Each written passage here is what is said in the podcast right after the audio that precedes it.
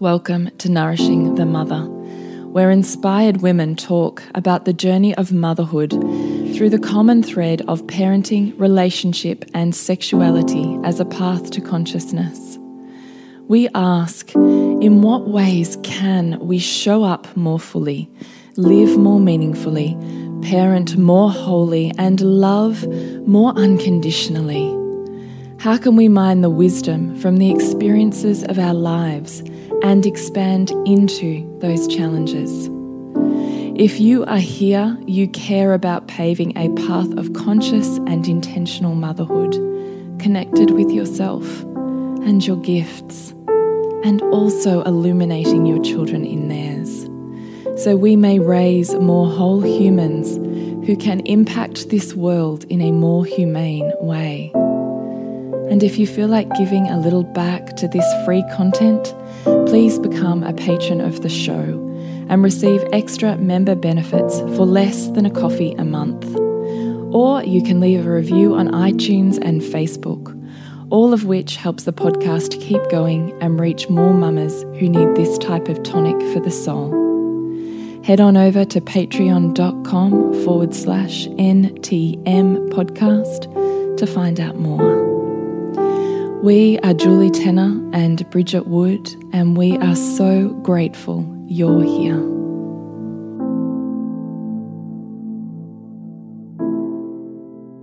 Hello and welcome to Nourishing the Mother. I'm Bridget Wood.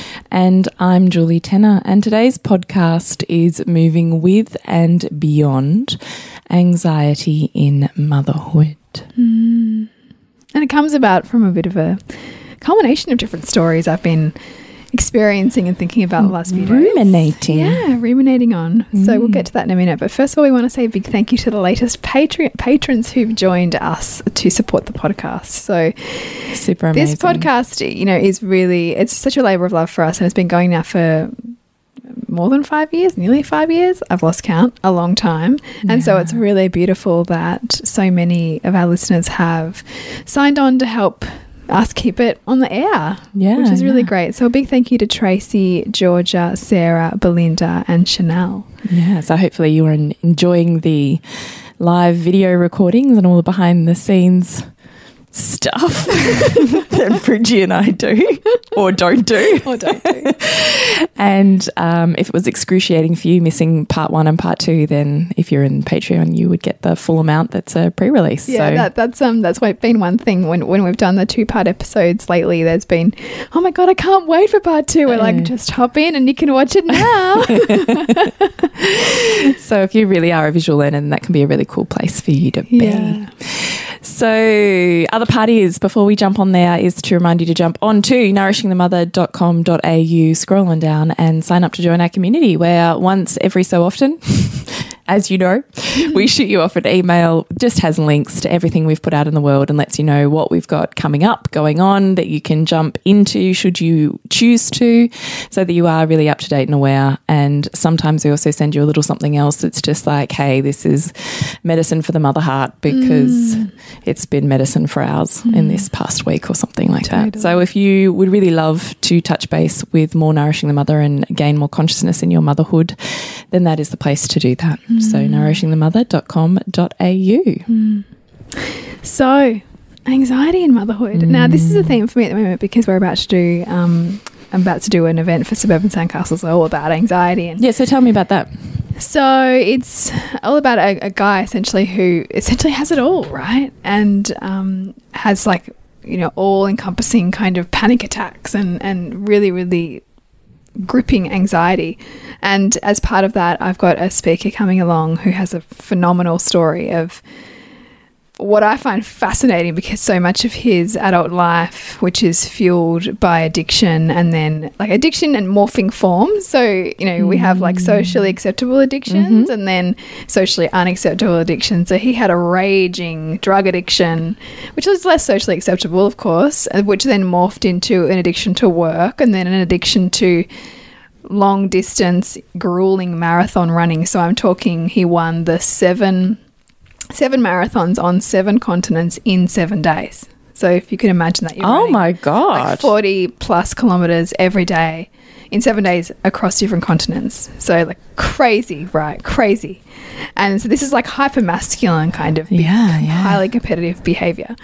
Um, but he, he threads his story through his book, which I'm reading at the moment, um, all about his dad and how his dad was with him as a child. And it becomes very apparent as he then goes on to study Kundalini yoga as part of his healing because he got a brain tumor, um, that he had an enormous amount of repressed emotional trauma as a child, which was part of the manifestation of his addictive personality and inability to relax or sit still which I wonder how much of that echoes also so many mothers in this conscious community who who try to balance their desire to meet all of these needs for their children that they perceive weren't met for them at the same mm. time as try to contain in many ways a, you know a more dominant masculine energy which which almost needs to be stimulated in order to feel okay to be kind of mm. always on in order to feel okay. And so I'm thinking about his story in the background, and then I'm observing myself in motherhood lately and noticing, you know, a deeper embodiment in myself than perhaps I've noticed in, in my early years of motherhood, which I think were probably run on anxiety. And it was really useful for me because anxiety can be powerfully mm. motivating. You know, I think I absorbed so much of the, all of the different research that I'd done through all the years of, or through all the months and months of early parenting. And the the anxiety was what gave me the energy to just keep going and learning until I knew I knew enough, right? Mm. And so I can love it, but also notice when it becomes overwhelming in our bodies. And I had an experience of it today when my daughter, my youngest, she who's eating eating all of the things, eating all of the food, and then also eating whatever or putting in her mouth whatever she possibly can now that she started crawling. And it was one of those moments where I'd like run to the toilet, come back, found her with um, her older sisters, like, you know, those like um, painting tools. Like, so you've got all those, like the foam roller and the foam sponge patty thing. And it was a whole foam kit essentially.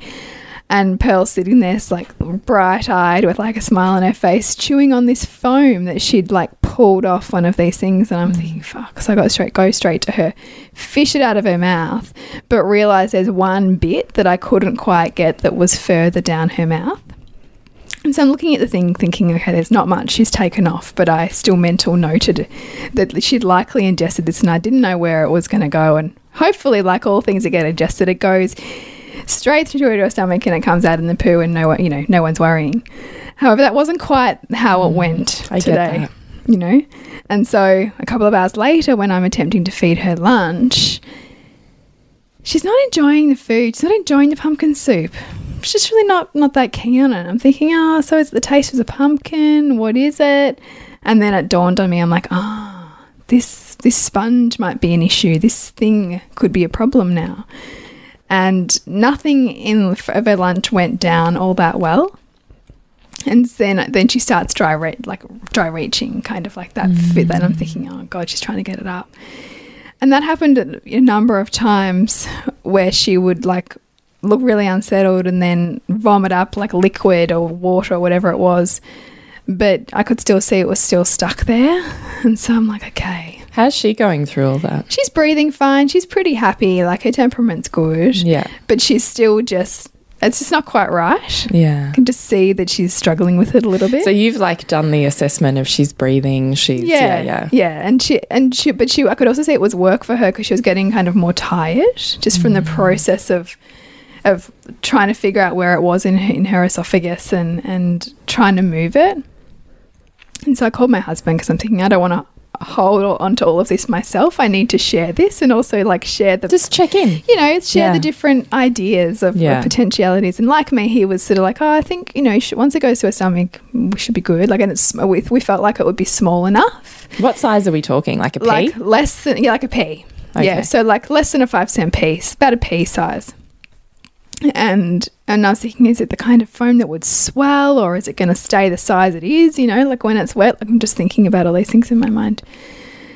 and he was like, look, you know, it's probably nothing but, you know, what you could do is you could, like, I can come home and you can take her down to emergency and, like, do an x ray and have a look and see what it is. And so then I'm doing that in my head, going, okay, that's an option. There's also a set of risks with that choice. So what am I going to do here? Do I wait it out? Mm. And anyway, we kind of conferred and I thought we'll wait a little bit longer and I'll give her a feed and see how she goes with a feed like because whether that helps to move it further down, just with the, with the, with both the sucking motion and the constant swallowing.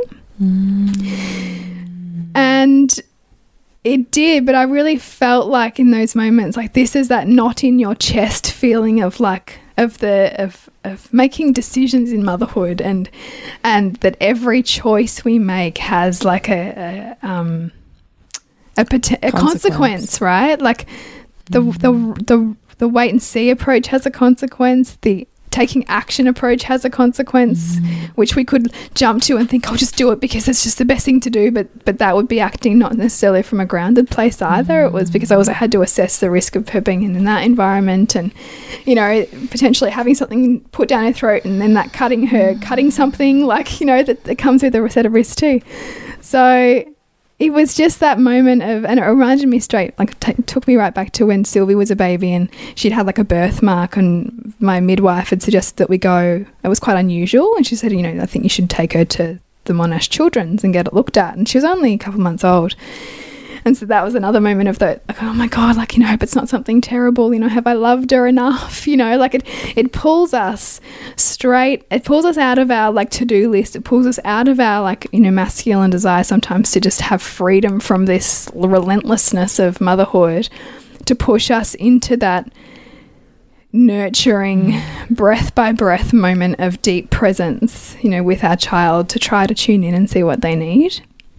And so it was a really interesting reflective process to look at at how these moments which can be nothing or everything, right? Like we never know, but how functional they are to pull us deeply present mm. with our child and also with ourselves and and with our intuition and and with the responses that are in our bodies like to try to tune into what our bodies are saying at the same time because I could feel like that that real constriction of like mm. knot that knot in the mm. chest. You know it.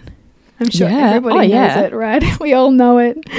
And so as I'm, I'm, back here with her in the chair, with sitting sitting in my arms, and I could feel her fall asleep, and I could feel her regular breathing and her swallowing normally. And I'm thinking, okay, I think I think we're good here. I think this has moved.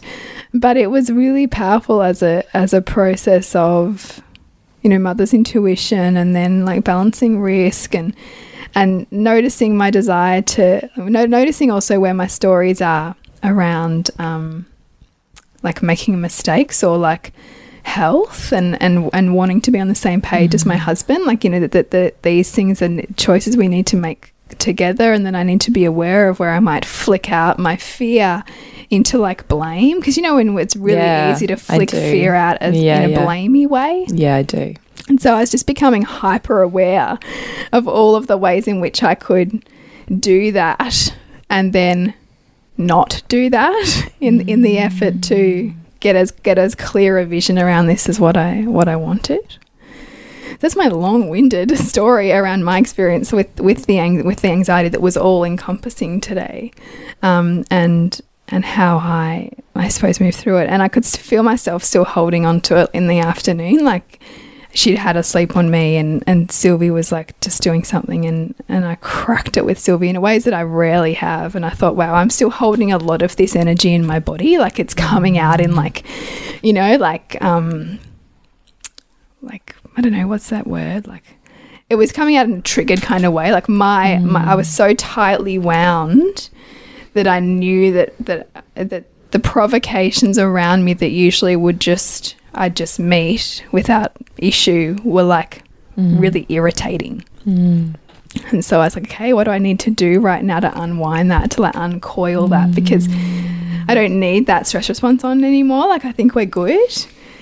And so I ended up hopping, I ended up like trying to like push through dinner because the kids were, like, the older two had gone to swimming with, with Marcus. And I'm like, okay, I'm to get in the bath with her. Like, I'm so I like ran the, ran a hot bath, like filled it full of Epsom salts, and just got in there, and it was just the most perfect way to both reconnect with her, like after you know our, our moments today, and then totally reset my system. You know, and, mm. and I think we can so often forget that it can be the simplest of things. You know, maybe it's a cup of tea, maybe it mm. is pleasure or self pleasure, or maybe it's a dance around the living room, whatever it is. But there's so many opportunities in our day to take note of where we find ourselves in our bodies and what stories we're running and where we can put the brakes on mm. and what we can invite in to do that as a practice because it was super duper powerful. And then, of course, when the older two came home, they both hopped in the bath. So there was four of us in the bath, you know, and Pearl thought that was the best fun ever.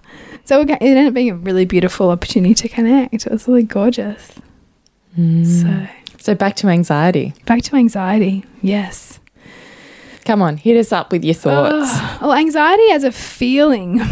I mean, it really is a future focused feeling state. So we mm. don't we're not anxious about what's happening like right now. We're anxious about like what potential bad outcome there might be. So mm. it's so it's a it's a future focused almost fear kind of response.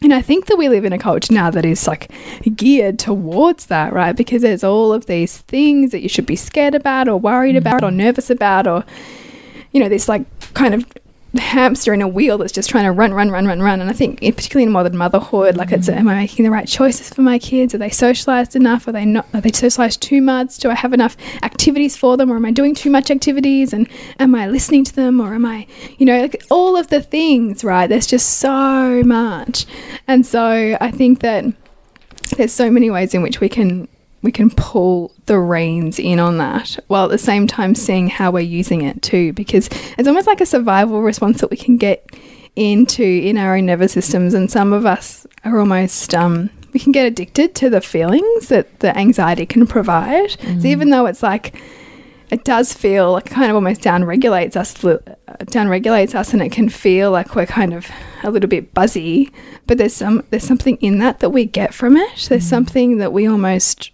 um almost like a little bit of a drug you know that feels mm. good. So noticing if your system is in that state of kind of waking up and go and there's no mm. like lull in it. And there's i think too like social media can feel this if you've got like a phone addiction mm. that that's almost keeping you in that state because you've also got all of these you know a thousand and one more reasons to be anxious because you're looking at all of the things that you haven't done that someone else has done or that you're not meeting that you think you should have met. And so noticing, I think, what your habitual responses are in how you um, go about your day. You know, like, do you feed your own anxiety by what you bring into your environment?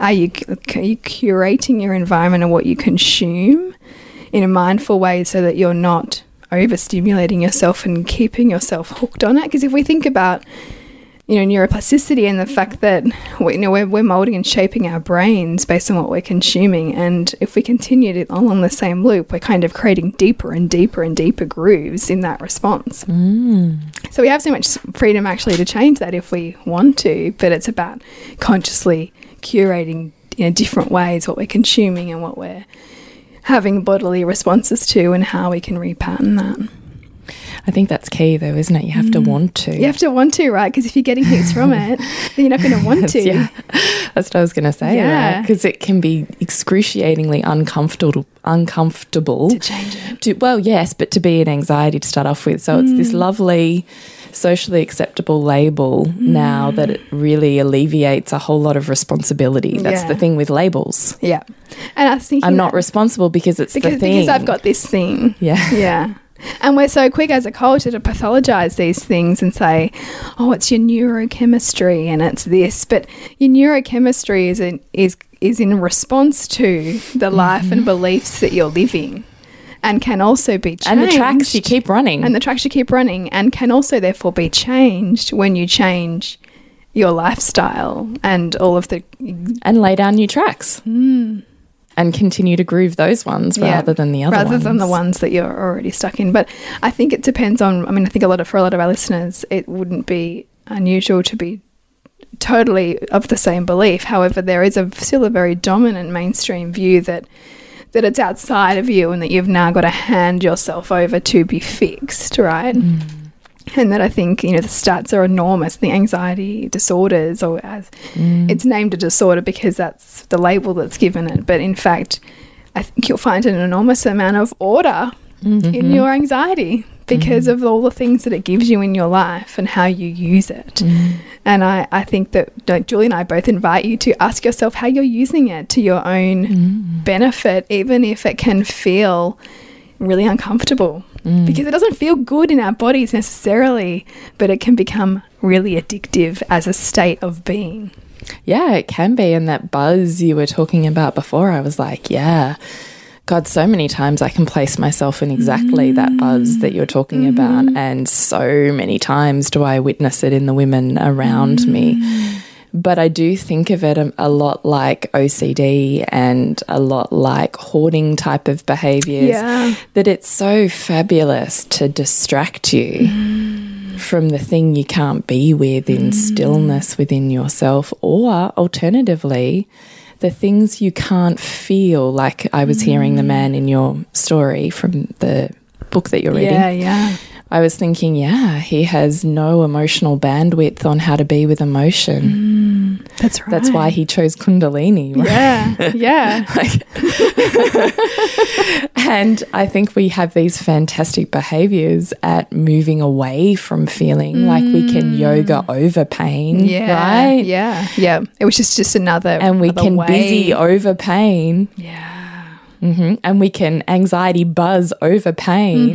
Mm, there's a million and one ways to numb it out. Yeah, because if there's like this looming fear of, you know, being attacked, in which sets off that system in your body, but attacked being attacked by who knows Yeah, the judgments and the judgments projections of others. that you've decided are already going to happen, or the way your child's going to turn out, or the way that you, that you're going to respond, and then he's going to respond, and then da da da. You know, like it's how fantastic, mm-hmm. how clever of you, how incredibly intelligent are you to have creatively adapted mm-hmm. exactly the panacea that you need. Mm-hmm. But all drugs come with a side effect. That's right. It's just one of them. Yeah. Whether it's a drug that you're ingesting or a drug that you're creating through your own body, Yeah. through your own perceptions. Totally. So I kind of, and you know, as you know, we've got anxiety that runs through our bloodline as well. And I can see it play out in all sorts of different ways. And I actually really enjoy watching it, getting curious about it, because if you are inviting curiosity, of course, you can't be in judgment at the same time. Mm, It's true. Yeah.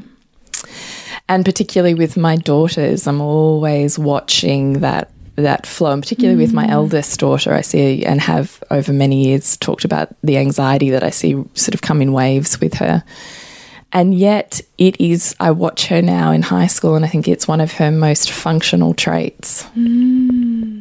In what way? How does she use it? organization Ah, yes. It helps her be very prepared. very prepared mm.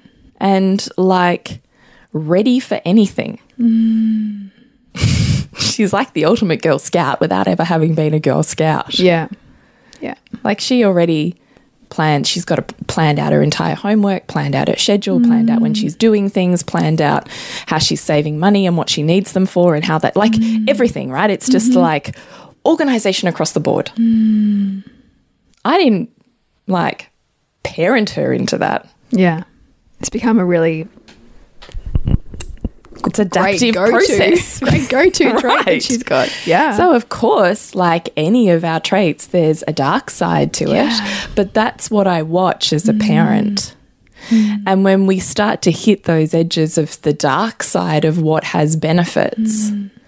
then my job is ah, let's go into here. So an example of that might be for her, you know, she's closed off to things that are outside Yep. that schedule that she's already pre-mapped out, for example. Yeah, or just closed off to other ways of the world being, Yeah. or of her being. Hmm. Another example that would be she was sick a couple of weeks ago and had a day off school and then came back the next day and she'd missed homework or something from the day before and it hit a panic attack for her. Hmm. But I could tell because the second this is why I pick my kids up and drop them off at school because as I've said to you before, that 5 to 10 minutes in the car is fucking invaluable. Yeah. And so she, I watch her and she walks in my car and I'm thinking, she's uber sprightly. Too too, too exuberant. Yeah. yeah. And as I've said to you, her anxiety often she's worked out how to, how to, um, I would say move with it or adapt with with deep pain or fear by being very dramatic, putting on her drama Yeah. self. Yeah. And I'm watching going, hmm. And so then she sits in the front, she's next to me, and she's like, Well, you wouldn't believe what happened today. And off she goes, and it's this like elaborate tale. And she's a fabulous storyteller, Yeah. you know. And I'm listening to this whole up, smiling, and I'm giving her all the right cues, and I'm enjoying the story. And I haven't left from the curbside yet. Yeah. Yeah. And mm-hmm, yeah, I'm listening to the whole lot, letting those energy waves Yeah. ride. And I'm sitting there going, hello, anxiety. Yeah. Yeah. Yeah. you know? so I just really make sure that I ride her wave so that we can ride the story. Because I think mm. when she's really, well, when our children are in their feminine, no different to when we're in ours, we need a mm. certain amount of responsiveness to be able to stay in that. Yeah. Yeah. So, right cues. But at the same time, I think the gift of parenting the way that you and I do is that we've learned how to cultivate what we term regulation, but ultimately what I'm really sinking into it is is that it's an ability to hold a masculine polarity mm. And be able to ride with and meet the feminine within the mm. child. Mm. So I'm watching this, moving with the flow, feeling her energy, and at the same time I'm going, pull your energy down because you're going to need it in a minute. Mm. you know, so I'm getting, yeah. so, oh, there's a part of me that's You're just getting like, like so solid. super present in the- my body. You're feeling the core of the earth right now. yeah, Yeah. exactly. Yeah. Exactly. And I don't have to say anything when my body does that. And so I just maneuver myself in my seat just enough so that I'm almost, you know, like perfect face to face, heart to heart eye contact with her leaning around, you know. And I just look at her and hold her eye contact in stillness. And of course, that's enough. Hmm. And she looks at me, and you can almost see the second she realizes energetically, because it's like a deer in the headlights when she realizes the energy has been tapped right into. Yeah, And yeah. she's like, and you can see in her head, she's got this moment where she's like, run. And then there's this other part of me that, like, really wants to let go. Yeah. Yeah. And I think we all have those moments when we're right there and we're in the presence of a masculine energy that And it's almost like, that. shit, shit, she's seen me. Like, Yeah. I've been seen. Yeah, exactly. Yeah. And so the choice at that exact nuanced split second is We're just interrupting this week's podcast to tell you about our upcoming course in Soul Driven Motherhood, which is called Soulful Parenting. So, this is much awaited. It was, it was asked for in our tribe, and so it's all about the spiritual teachings of parenthood love courageously, live honestly, and without seeking perfection. And there are four modules holding on, letting go, fullness, be love, and the vow. Get onto it with us, nourishingthemother.com.au. do I have what it takes to take her where she needs to go? Mm-hmm. And my answer was yes. Mm-hmm. And I will take you there. Mm-hmm. And so I went, What's going on? And she's like, "Ooh," you know, and out come all of these tears and the rant and the like, I can't ever have time off. I'm never going to be able to because I can't, you know, blah, blah, blah. And I was Yeah. like, ah, here we are. So this is beautiful, Yeah, right? yeah. One, we've cracked it. We've got to the core. Mm. I can hear all of her internal anxiety dialogue. And this is anxiety that's now gone too far one way. Yeah, yeah, yeah. So right now she needs to feel all of the feelings and learn what mm. that gentleman in that book did not, mm. how to be with, Yes. rather than try and anxiety over mm. and just more control so that then my world feels better. Yeah, yeah, yeah, right? Yeah. We don't need to upskill what is already a skill. So let's just work out how to be with what is not yet a skill. Mm-hmm. You know? Mm. And so that's that's what I mean when I see that is I can see her anxiety and I don't want to eliminate it from her body because I can see all of the ways That is masterful for her. masterful and mm. she is by far like in so many ways leaps and bounds in front of her peers by virtue of having anxiety hmm. and a skill set that allows her to continuously plan, organize, categorize, time manage. Hmm. Like Yeah, it's beautiful. amazing. Yeah. But what we want to do as parents is be the pulse that we can hmm. read the pulse in them and go, it's vital, it's good, it's part of who they are, it's their pulse. May not be mine, mm. but I can read it. Fit, it's her, it's good, it mm-hmm. works for her. She feels vital. Mm-hmm. Versus, ah, no, we're not mm. vital right now. Mm.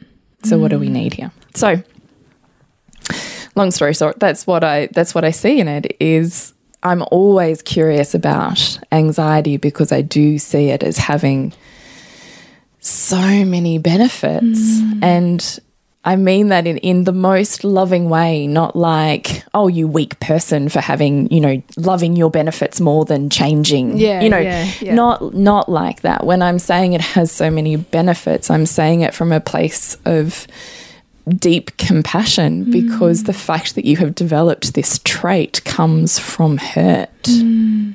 Mm. So when I see a trait that we that we might say is out of the normal spectrum of the way that we say I don't know some sort of robotic human is supposed to I was exist. thinking whatever you think normal right. is. Yeah, exactly. is just where has that come from? Hmm. Why did you need it? Hmm. And why do you still need it? Why is the form of it still existing? Hmm. So there are women in my family who can't leave their houses, Wow. Who That's can't big. drive, mm. who, you know, lots of different manifestations of essentially the same hurt. Mm. But it totally works for them in mm. so many ways that are, in and of themselves, self love. They don't have to do something that they're not equipped for. They don't have to go and meet the hurt mm. again. They don't have to be around people who they've learnt to mistrust or who will mm. wound them. Yeah.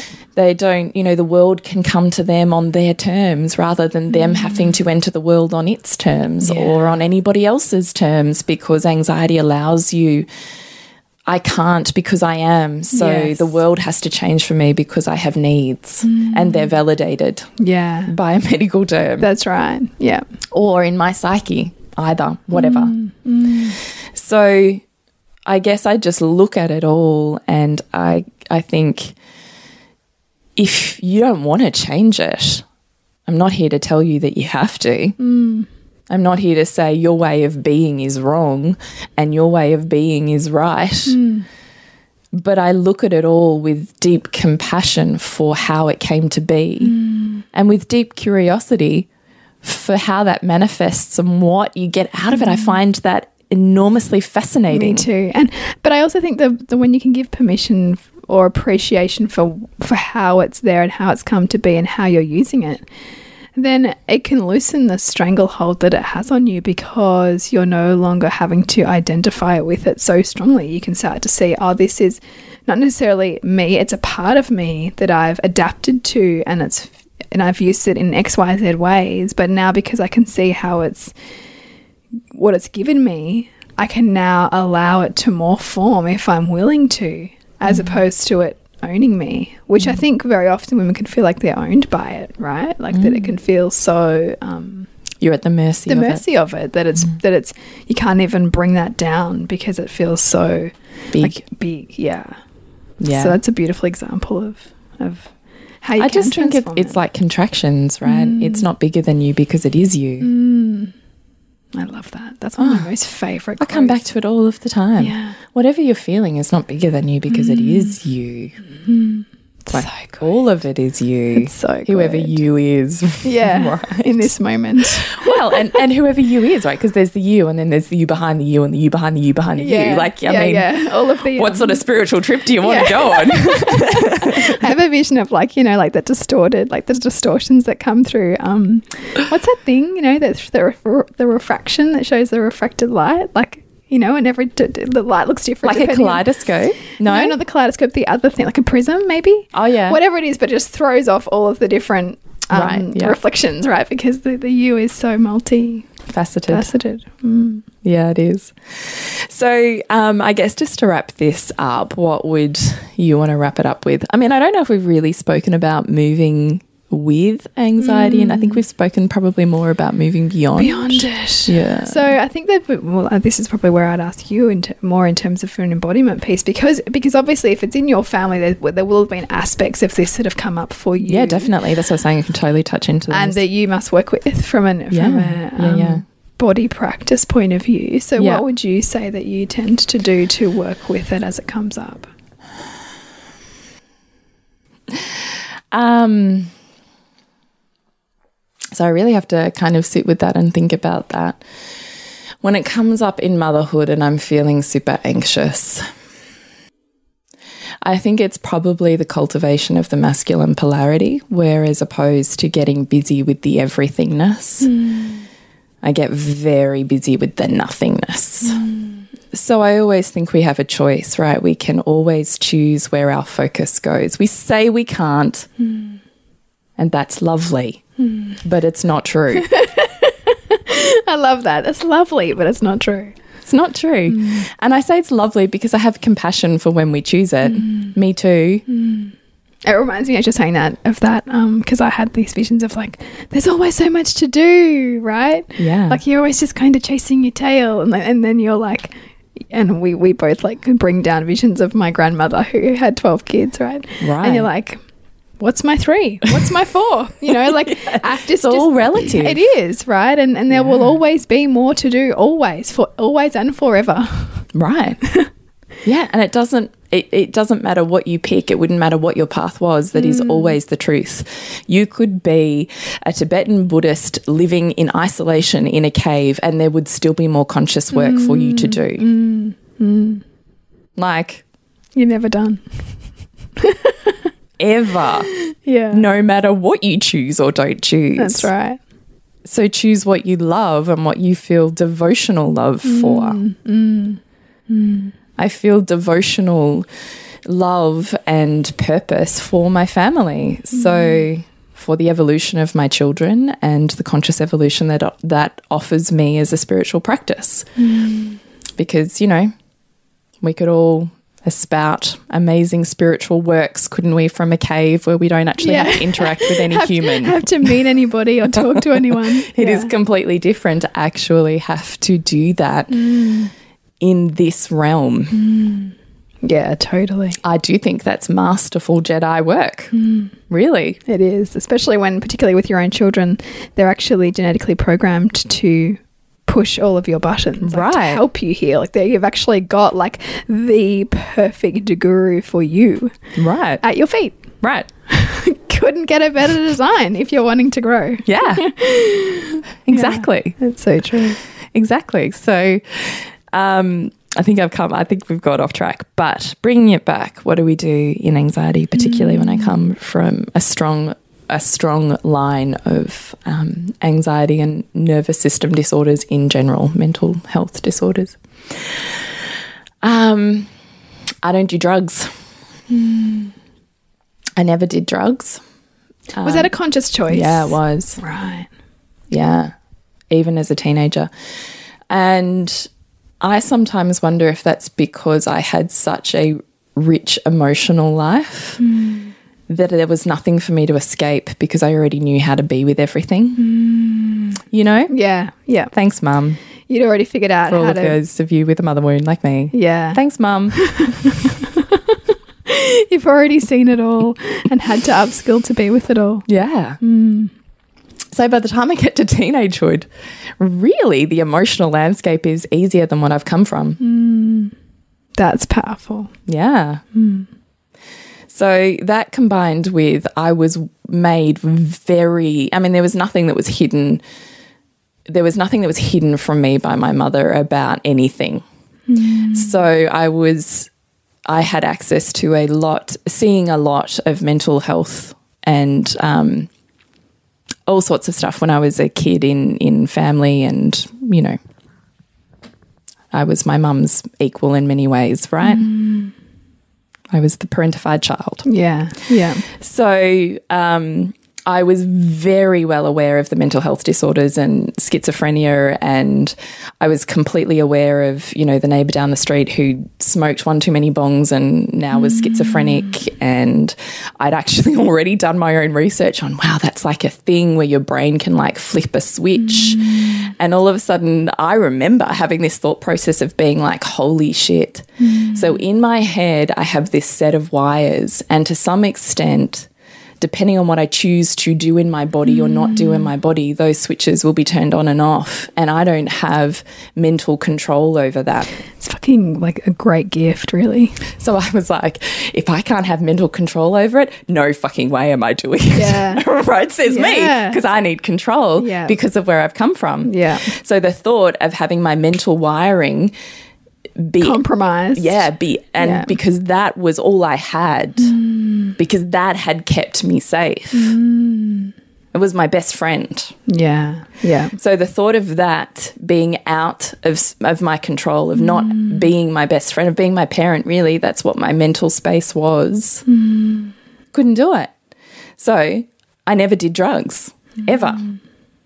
I smoked dope with my husband for the first time, like seriously, eight years ago. Because I'd never done it. And I Yeah. was like, you know what? I'm like beyond being scared now of, of what else is out there Yeah. and where my brain could go. Yeah. Because I'm now way practiced at the other side of Yes. that. Yeah. But I also think that was always my journey is I had to mm. to work out how to do the other side on my mm. own, not give me the drug so that I can be reliant on the thing that takes me somewhere. Yeah. Yeah. As opposed to learning how to take yourself there. Right. Yeah. So anyway, so I did that with my husband like seriously eight years ago or something, and it was great. I loved it. Mm. It was fantastic. And part of me was like, why the fuck didn't I do this earlier? yeah. Yeah. Yeah. and the other part of me was like, because I just didn't, need it. Didn't need it. No, I mm-hmm. didn't need it. And plus, you know, layer on top of that, pick your drug. Mine was sex. Mm. So, okay, I didn't do your street drugs. Yeah. Did a lot of the other. Yeah.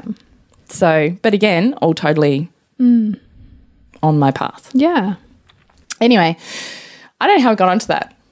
What was I getting onto that? Don't do drugs, right? don't do drugs, kids. Who am I? Yeah. Yeah. Yeah. yeah. Um, So, what I'm, I think my point of that is if you know that you have a genetic predisposition or have had previous wirings that make you more susceptible to addiction or alcoholism, you just don't. Yeah, that was it because my my family is it's alcoholism, and I know my mum was always on edge, like that that we could go that way because that was my dad, and that was you know all of his family, and Yeah. you know like really deeply entrenched. And it feels like it feels really good that we seem to have stopped it, our generation, Yeah. which is really powerful. But is it really powerful. but it comes with that. um Yeah, I had that real, so really strong sense that that we need to be aware here you know and and you know and then i think it all you, you because of that you geniusly then seek out the stories that scare you into not doing the thing Don't you? You know you become aware of the So person who falls over and has a brain injury because Yep. They drank drank too much or the girl who overdoses on ecstasy pills when she's 15 you know Yep. like and you and you you pull those into your awareness particularly i think when you're a teenager and you're so um generally impressionable you hold in your awareness the things that are going to be like the roadblocks that are stronger than the social pressure or the peer pressure to do the thing Totes. so genius It is. But I do think there is a level of 101 is if that sits in there with you, yeah you just don't do it because you're not you don't have the setup to be stable enough to do the bit that can it can be a beautiful experience. You can absolutely use drugs and alcohol to take you spiritually different places. They're used in cultures across across our time and across Yes. our planet in ceremonial places to reach other sides and you know blah blah blah. Mm. but they are well set up well prepared structured Yeah. purposeful intentional and conscious. If they are not the setup why are you doing it And it's also really unsafe. Like when, when you're when you're choosing it in outside the realm of that. Yeah. Yeah, yeah. So I'm just saying that from the perspective of please be aware of, you know, giving yourself the best possible outcome, I think. Um, so that would be step number one for me. And if I know I'm having anxiety or I um, have had a really tough day, I'm really conscious because I, I have I feel like I have these like gremlins in my body that are like, just have some wine, have a drink, have a, you know, it's mm. like you could feel so good and this wouldn't be here if you just mm. like took in the thing. Mm, I said this to one of my friends the other day and she was like, I think it's just because you have an intense personality and it's like you do or you don't. So you would like drink or not drink.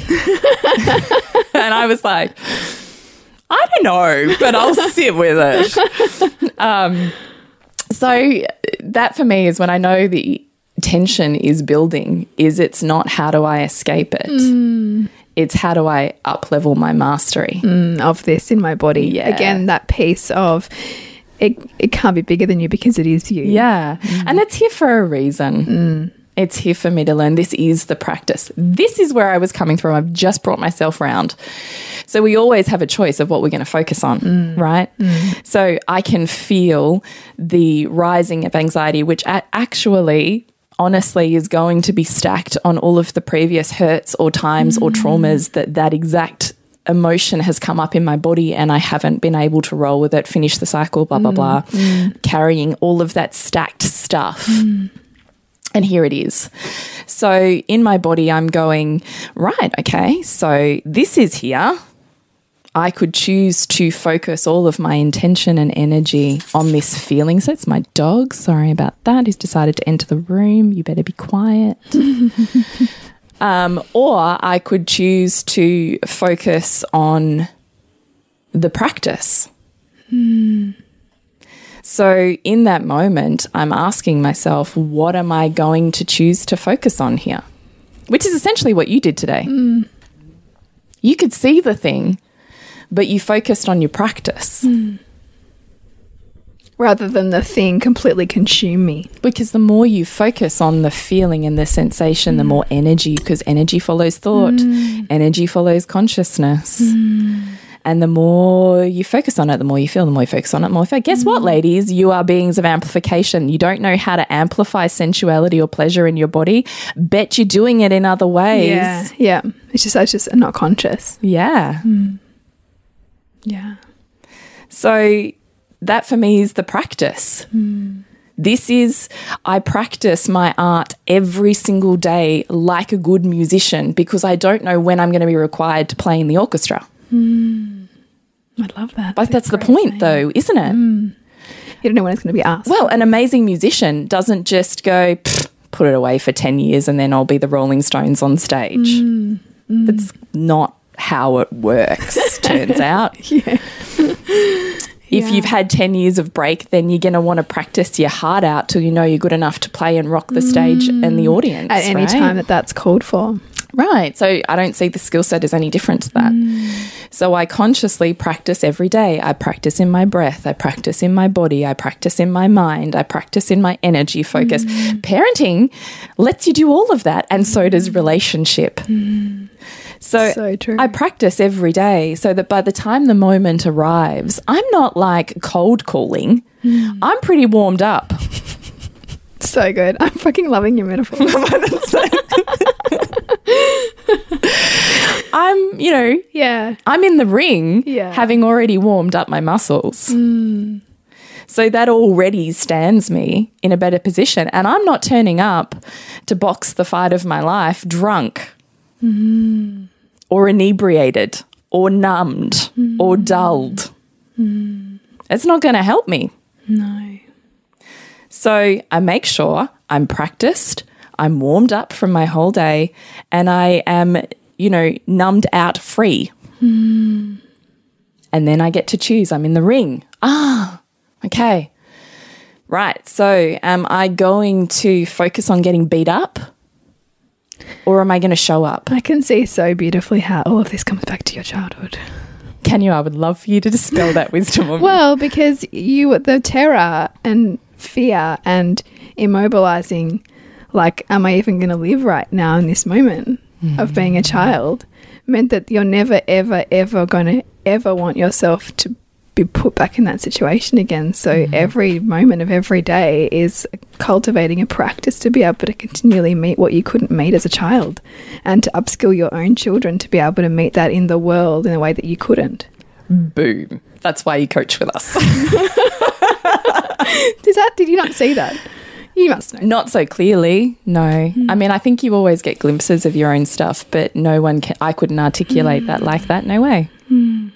You can't see your own stuff. Like, you just have to can't. let that go. I know you can't. You really can't. Like I often coach, and I'm often going, "Fuck!" Like someone did that for me. Like right? Because you can't actually Yeah. do. You're not supposed to do it for You're yourself. not. You're not. So I'm happy just to let that go and be like, no, please tell me, Yeah. because I'm fully aware I can't see myself. Mm. I'm fully aware.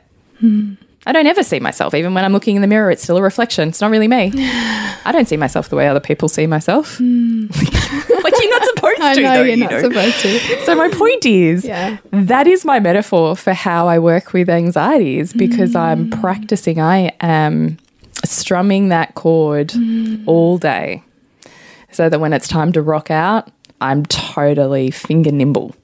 Mm. So, and that's how it is. Do I want to choose to get beat up or do I want to choose to bring my practice? Wow. It's beautiful. I love bringing my practice. Hmm. That's what I've worked so hard for. Hmm. So I might as well reap the rewards and feel the ah, this hmm. mastery, self empowerment, self belief, joy, strength. Like that comes from not getting beat up in the ring. right? beautiful. Poetic. Oh, thanks. Hmm. So that's what it is. I think the practice is where am I putting my focus right now? And sometimes that's as far as you will get in your practice. Hmm. I mean, and you know, the, and that, but that even cultivating awareness is a is a big step beyond complete unconsciousness, which is where a lot of people can live in. You know, hmm. awareness is the first step, and then it's what you choose to do with that, Mm, what you choose to make your practice. exactly. Exactly. And I think there's a thousand ways to enter practice. I don't think that mm. there's one way to do anything. Mm. But I think you find what works for you and you make sure that you are practicing and you're warming up every mm. day. Like that's that's it. Like that's actually life. Yeah. We all have a practice. We all have a ring. You just get to pick what you do with it. It's free will. Right? Yeah. I love it. it feels like a good time to finish this podcast. Yeah. Actually, I think we've left left our listeners with lots to ponder and reflect on in their own worlds. Yeah, yeah. Hmm. So to connect with you, Bridgie. Suburbansandcastles.com and you, Jules. Hang on, just tell us about your movie this month. Oh, it's called Chasing the Present. So in the in this, which is often what anxiety drives us to, towards, is try to get back to the present when we're so stuck in in beyond it. So And where is that? When in is that? Melbourne, Bayside, Melbourne, on the twenty fourth of March. Beautiful. And if they want to jump on in and get some tickets and Yeah. come watch you speak and do your thing, Suburbansandcastles.com and to connect with you. is thepleasurenutritionist.com. And to connect with us is nourishingthemother.com.au, Nourishing the Mother on Facebook, Instagram, and Pinterest. Remember to nourish the woman to rock the family. And we'll see you next week when we continue to peel back the layers on your mothering journey. And if you want to support Nourishing the Mother and all the late nights, the early mornings, the blood, sweat, and tears we pour into our art, then please go to patreon.com forward slash NTM podcast and become our patron. As a patron, you're helping all of the cost of operating this podcast, the hosting, the editing, the transcription, helping all of that be completely covered, and joining a community who are all about honouring our journeys and continuing to open. The more support we have, the longer we can last. So become a patron. We'd love to have you. Go to patreon.com forward slash NTM podcast. We literally couldn't do this without you. Thank you so much for listening, and please share this podcast with anyone you think it would be medicine for.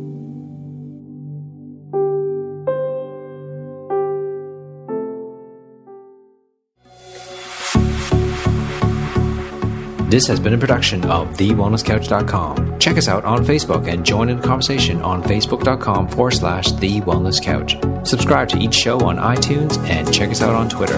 The Wellness Couch, streaming wellness into your lives. Whilst the Wellness Couch presenter endeavor to provide accurate and helpful information to their listeners, these podcasts cannot take into account individual circumstances and are not intended to be a substitute for health and medical advice from a qualified health professional. You should always seek the advice of a qualified health professional before acting on any of the information provided by any of the Wellness Couch podcasts.